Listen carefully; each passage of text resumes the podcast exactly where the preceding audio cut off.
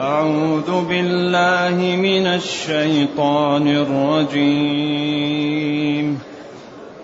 وقال نسوة في المدينة امرأة العزيز تراود فتاها.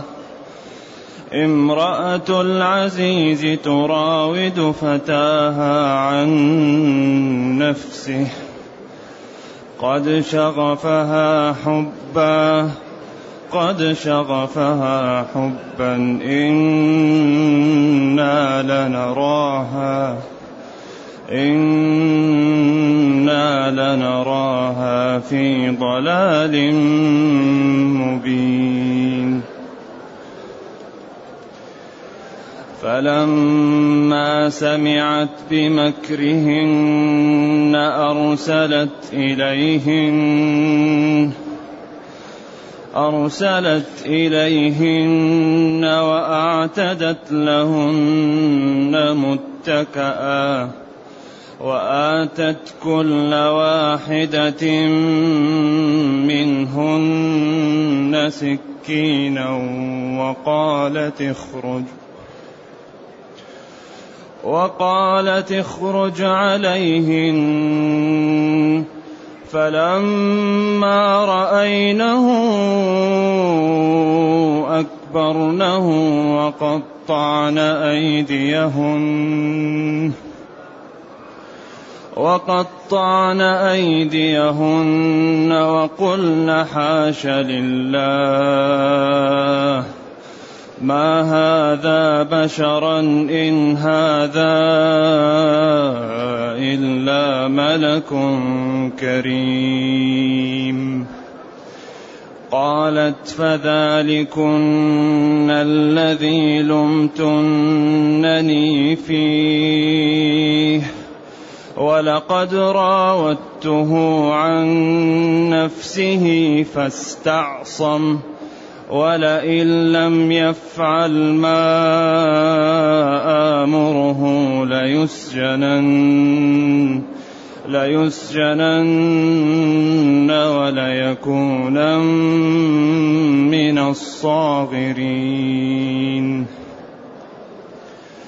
قال رب السجن أحب إلي مما يدعونني إليه وإلا تصرف عني كيدهن أصب إليهن وإلا تصرف عني كيدهن أصب إليهن وأكن من الجاهلين. فاستجاب له ربه فصرف عنه كيدهن. إنه هو السميع العليم.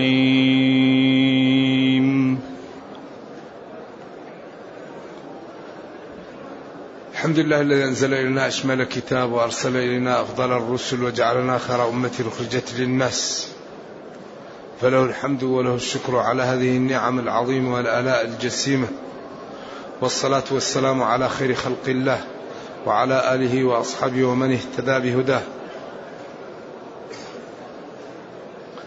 أما بعد فإن الله تعالى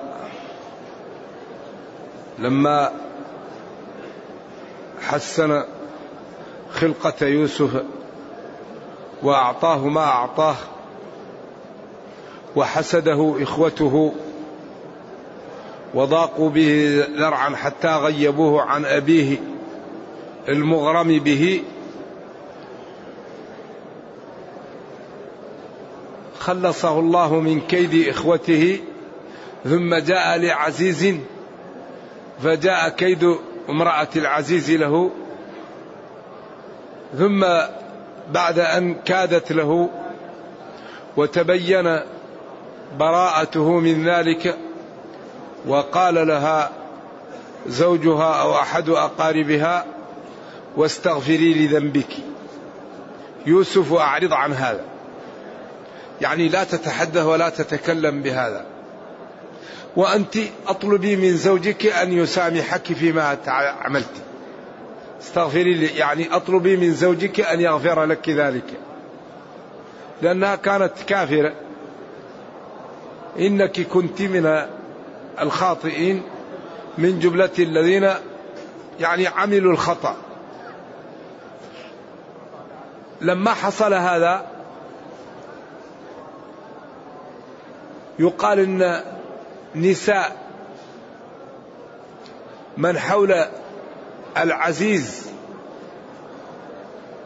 عرفوا الخبر من رجالهم وتحدثوا بالأمر وقال نسوة قيل أربعة وقيل خمسة وهذه النسوة امرأة الحاجب وامرأة الحارس وامرأة الطباخ يعني نساء الناس الذين حول الملك يخدمونهم قال نسوة. قال ويجوز قالت لكن لأن التاء هنا يجوز أن تأتي مثل كسر اللبنة وكسرت اللبنة. ولا تلزم التاء إلا في تعبيرين. جاءت هند والشمس طلعت. هذا الذي تلزم فيه التاء وغير هذا لا تلزم التاء فيه يجوز أن تأتي ولا تأتي. وإنما تلزم فعل مضمري متص مضمري متصل أو مفهم لا تحري. الشمس طلعت أو قامت هند. تقول قال النسوة وقالت النسوة. أيوة. كسر اللبنة وكسرت اللبنة. والنسوة هم النساء. نعم. جمع نسوة. نساء. في المدينة مصر امرأة العزيز زوجته والعزيز هو الملك. تراود فتاها الفتاة الشاب. وقد يطلق الفتاة على العبد أو الخادم العامل. لا تقل عبدي وأمتي ولكن قل فتاي وفتاتي. لأن هذا في البعد عن الاشتراك الحاصل. قال نسوة في المدينة نساء هؤلاء الذين قريبين منهم لما تحدثوا بذلك.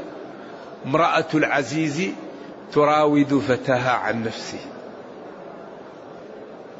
قد شغفها حبا إنا لنراها في ضلال مبين. قالت هذه النسوة زوجة العزيز تطالب فتاها عن نفسه. تريد منه ما تريد من زوجها. قد وصل حبه إلى شغاف قلبها. الشغاف قيل الغلاف الذي حول القلب وقيل سويداء القلب. امرأة العزيز حبت آه هذا العبد حبا شديدا. إنا لنراها في ضلال مبين. قالت هذه النسوة إنا لنرى هذه المرأة في ضلال عن الفهم وعن الحق حيث تراود فتاها عن نفسه وهذا أمر لا يؤلف وليس من أصحاب المروءات. ما ينبغي المرأة أن تكون عفيفة وخصوصا المراه التي في بيت شخص له قيمة. فلما سمعت بمكرهن هذا الكلام فيه قولان. لما سمعت بمكرهن إما أنها أسرت لهم بما فعلت فأفشوا سرها وأصبح المكر إفشاء السر. وإما أنهم أشاعوا ذلك وهم لا يريدون عيبها على ما فعلت وإنما يريدون رؤية يوسف لما قيل عنه من الجمال والحسن.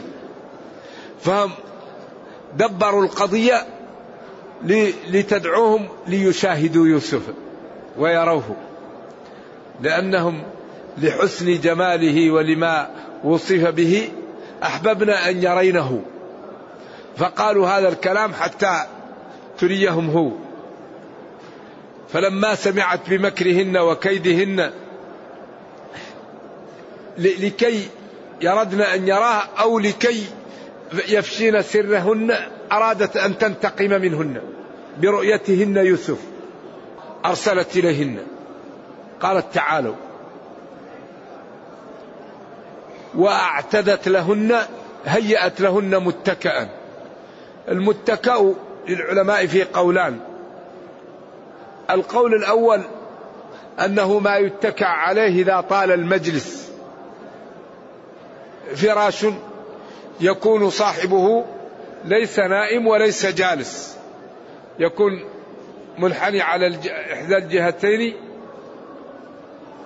وقيل المتكأ هي الوسادة. التي يتكئ عليها الإنسان. هيأت لهن مكانا يهيأ لمن يريد أن يطيل الجلسة حتى يأخذ راحته ولا يبقى جالس يتكئ أو تكون عنده وسادة يعني يتكئ عليها. وقيل المتكأ الطعام لأنهم كانوا إذا أرادوا الأكل اتكأوا. فسمي الطعام باسم ذلك توسعا في العبارة. قيل الطعام الترج أو غيره وأتت له النبي. أعطت كل واحدة منهن سكينا. وهي فاهمة أنهن إذا رأينه تغير حالهن. كانت تريد الانتقام. فلما رأينه أكبرنه. أعظمنا شأنه على القول الراجح. أو حضنا على الش... على على على القول المرجوح. أكبرنا أعظمنا جماله وحسنه. أو حصل لهن الحيض وهذا مرجوح في نظري. وقلنا حاش لله. ما هذا بشرا؟ إن هذا إلا ملك كريم. وآتت كل واحدة منهن سكينا وقالت اخرج عليهن. أعطت كل واحدة السكين هذه المعروفة التي تقطع بها الفواكه واللحم. فلما رأينه أعظمنا شأنه وبدل أن ينظرن إلى الطعام الذي أمامهن ويقطعنه في محله بدأوا ينظروا ينظرن إليه وقطعن أيديهن للذهول عن ما في أيديهن للنظر إليه. وقلنا ما, ما, ما قلنا. حاشا لله. يعني تعجبا واستعظاما. هذا الكلام يعني حاشا. أيوه. يعني كأن هذا الأسلوب أمر عظيم أمر عجيب. يعني ما شاء الله أو شيء عجيب. ما هذا؟ ما هذا بشرا؟ ما عامل عمل ليس حجازية وبشرا خبرها. إن هذا إلا ملك كريم. ما هذا؟ هذا ما هو مثل البشر. هذا من جنس الملائكة من جنس نوع آخر. قالت هي هنا بدأت تميل إلى الحقيقة لأنها رأت ما حصل فيها حصل فيهن فاطمأنت نوعا ما لهن. قالت فذلكن الذي لمتنني فيه. ذلكن. ما قالت هذا؟ ذلكن الذي أو قالت هذا ذلكن الذي لمتنني فيه. لمتنني في شأنه وفي أمره. والله لقد راودته عن نفسه فاستعصم. طلبت منه وامتنع. وفي المستقبل إن لم يفعل ما آمره به ما أمره ينفذه ليسجنن ولا يكون من الصاغرين. هو واقف. يعني كذا. أنا أحبه لازم يلبيني إلى رغبتي أو أوقع به. هذا هذا ابتلاء. قال يوسف ربي يا ربي السجن أحب إلي. السجن أحب إلي من ان من أن نقع في الفاحشة. يا رب السجن أحب إلي مما يدعونني إليه. يدعون. إيش وزن يدعون هنا؟ من يزل يدعون في الفعل هذا؟ لا بعدين يزعل سيبويه. ما هي يفعون؟ لا. لا لا. يدعون يفعلن والواو لام الفعل. الواو لام الفعل. ولذلك الفعل هنا مبني لاتصاله بنون الإناث. ولذلك يقول إلا أن يعفون أن يعفون. وهنا قال وإلا تصرف عني. قال رب السجن أحب إلي مما يدعونني. يدعون يفعلن. ولذلك الشاعر يقول لا لا يؤلم الضرب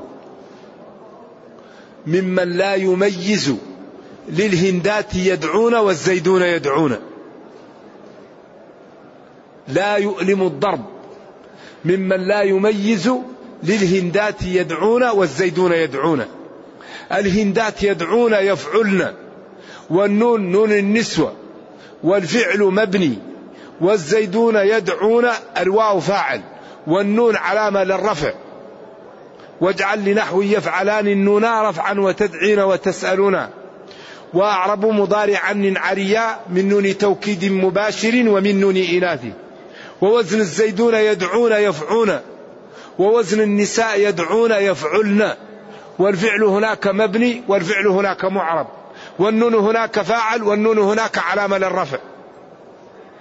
إذا وإلا تصرف عني ربي السجن أحب إلي مما يدعونني إليه.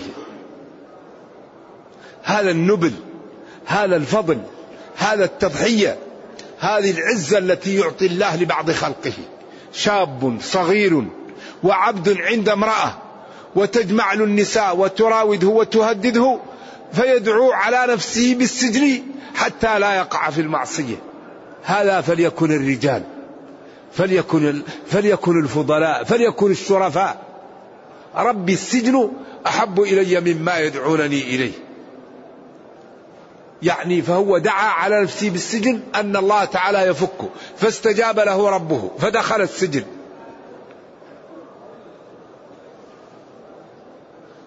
وإلا تصرف عني كيدهن هؤلاء النساء. أصب إليهن. صبا إذا أحب ومال.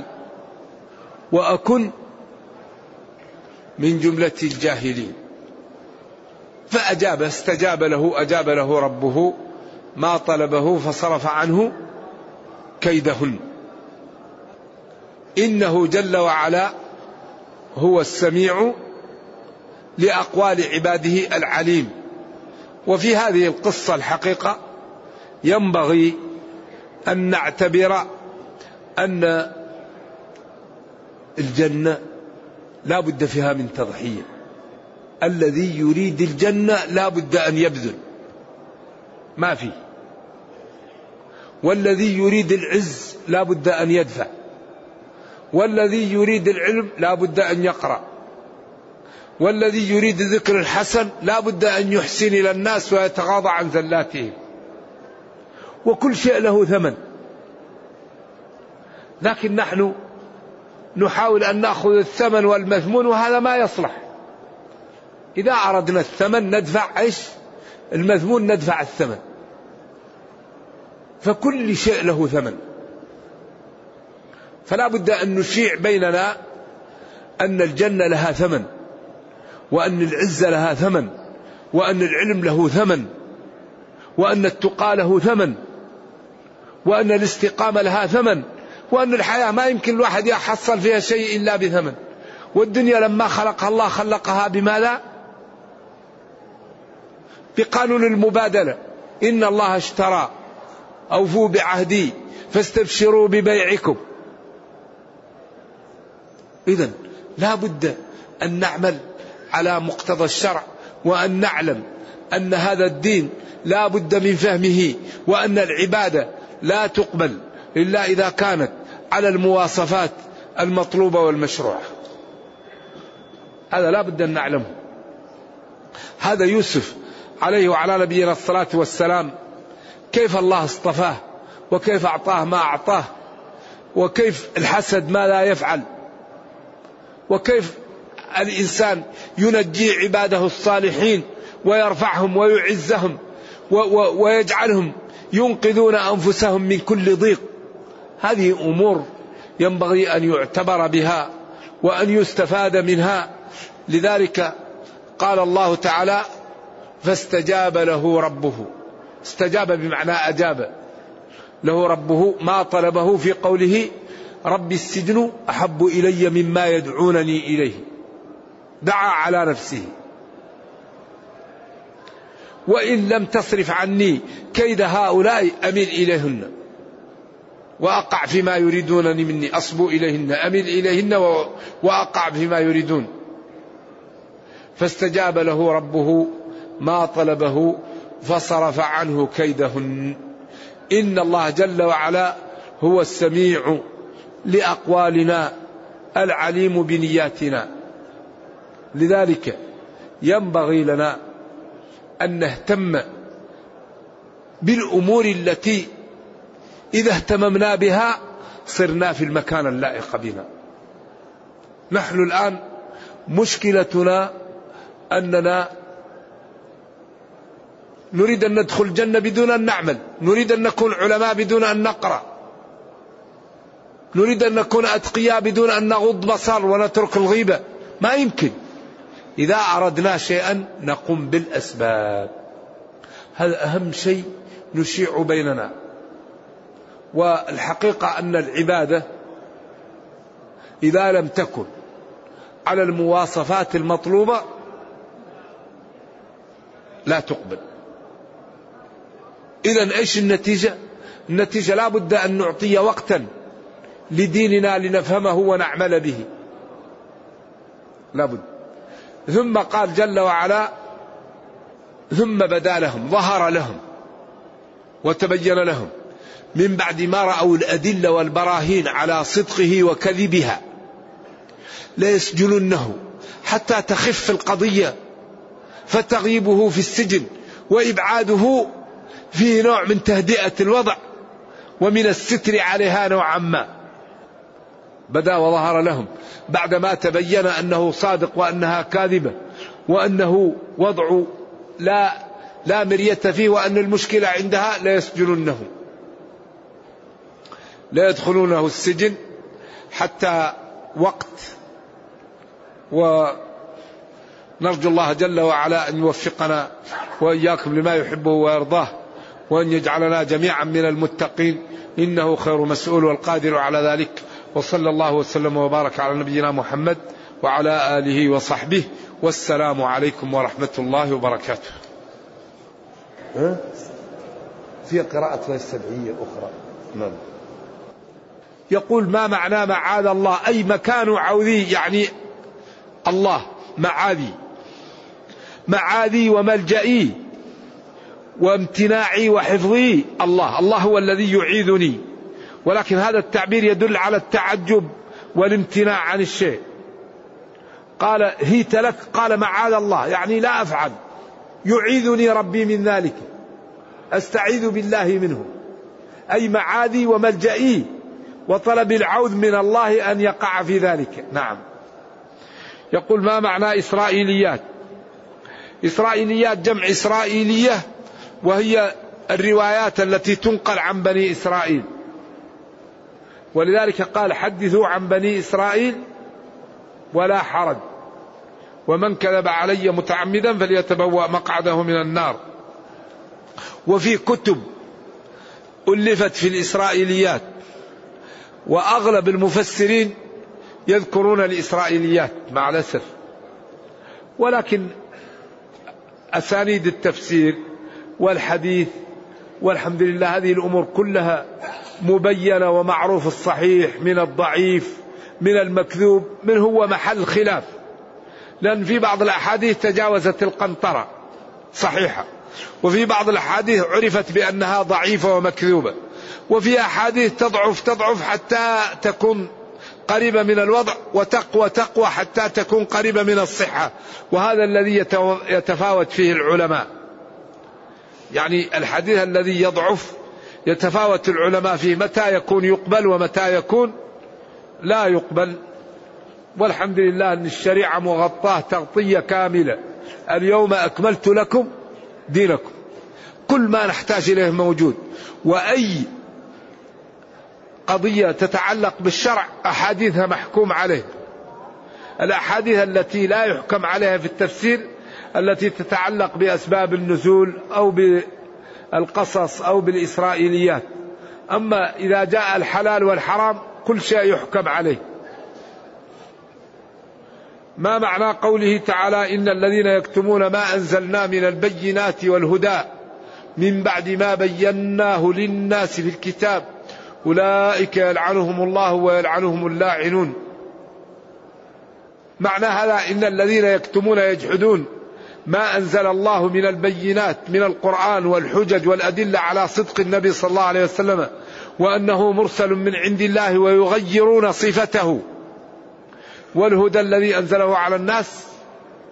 من بعد ما وضحنا ذلك هؤلاء يلعنهم الله ويلعنهم اللاعنون الخلق يوم القيامة. إذا رأوهم يعذبوا يقال لهم لعنة الله عليكم ويدخل فيهم كل من كتم الحق.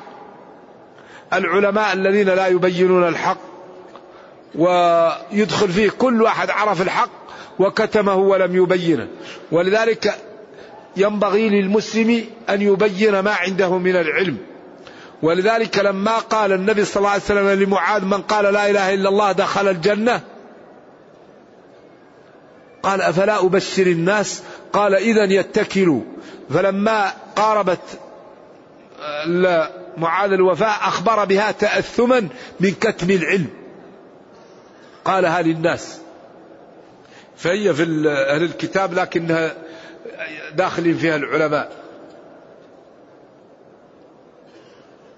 لماذا في جاءت هند والشمس طلعت؟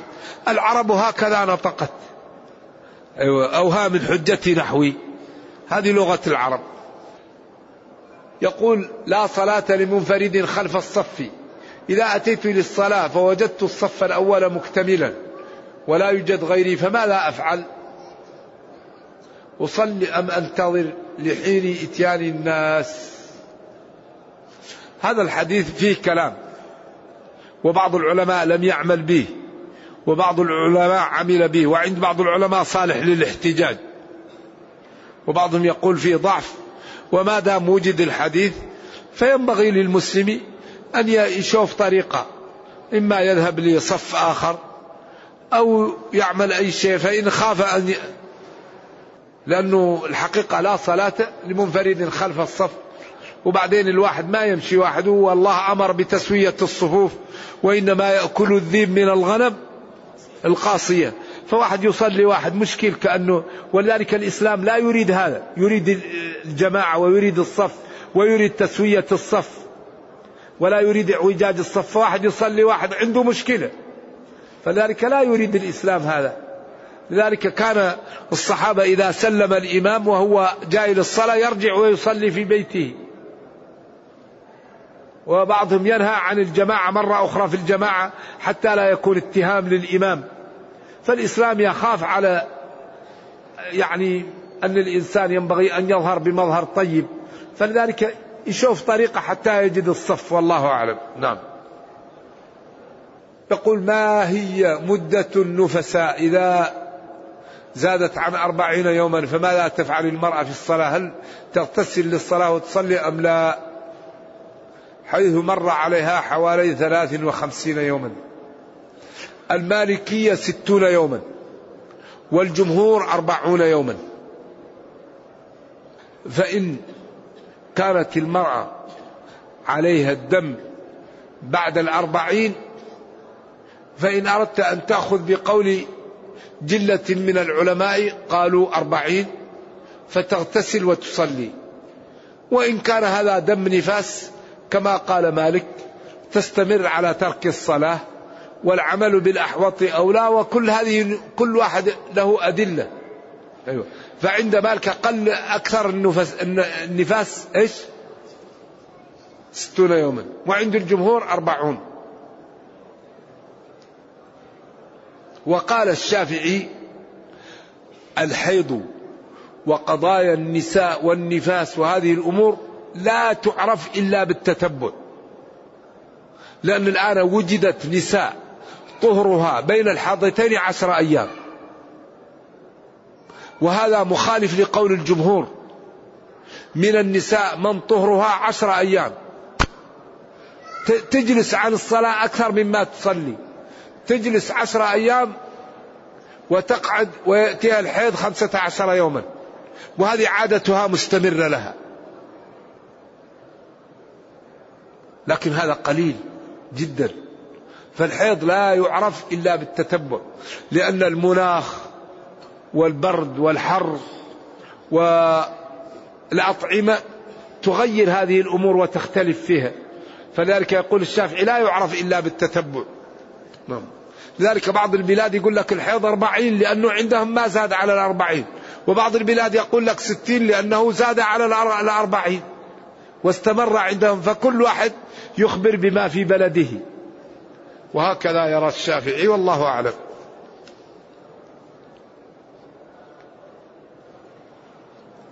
ما معنى قوله تعالى والذين جاهدوا فينا لنهدينهم سبلنا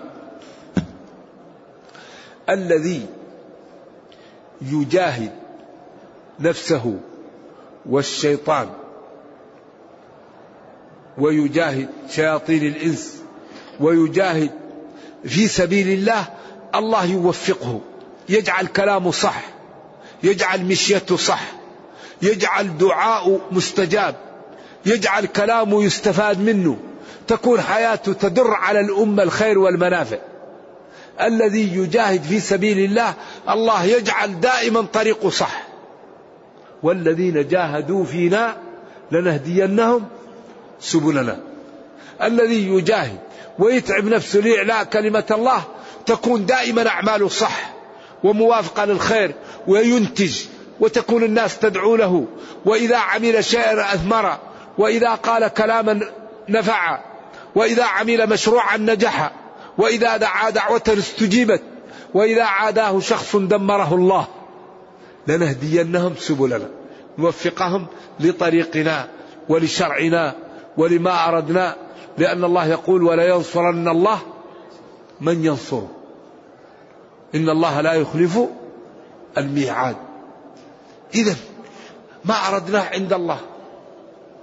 إن أردنا مالا أغنانا وإن أردنا سمعة أعطانا فلنطع الله ولنعمل بشرع الله وما أردناه يعطيه الله لنا. لكن لا بد من المكابدة. لا يمكن الدين يقوى عند الإنسان إلا بالمكابدة. والذين جاهدوا فينا. والذين جاهدوا. الذي يريد الجنة يجاهد. أما الذي لا يجاهد إذا نام ينام. يسمع حي على الصلاة يقول بعدين الله غفور رحيم. يرى منظر حرام ينظر يقول له اتق الله يقول لك الله غفور رحيم. الله شديد العقاب. إن بطش ربك لشديد وكذلك أخذ ربك إذا أخذ القرى. نعم. إنه غفور رحيم وإنه شديد العقاب. غفور رحيم للمتقين وشديد العقاب للمجرمين. فالمسلم الحقيقة ينبغي أن يجاهد هذا الدين. هذا السؤال الأخير إن شاء الله. هل تفنى النار؟ وما معنى قوله تعالى خالدين فيها إلا ما شاء ربك. نار الكفار لا تفنى. إلا ما شاء ربك وشاء ربنا أن نار الكفار لا تفنى. كلما خبت كلما نضجت جلودهم النار مثواكم خالدين فيها. نرجو الله السلام والعافية. اللهم أجرنا من النار.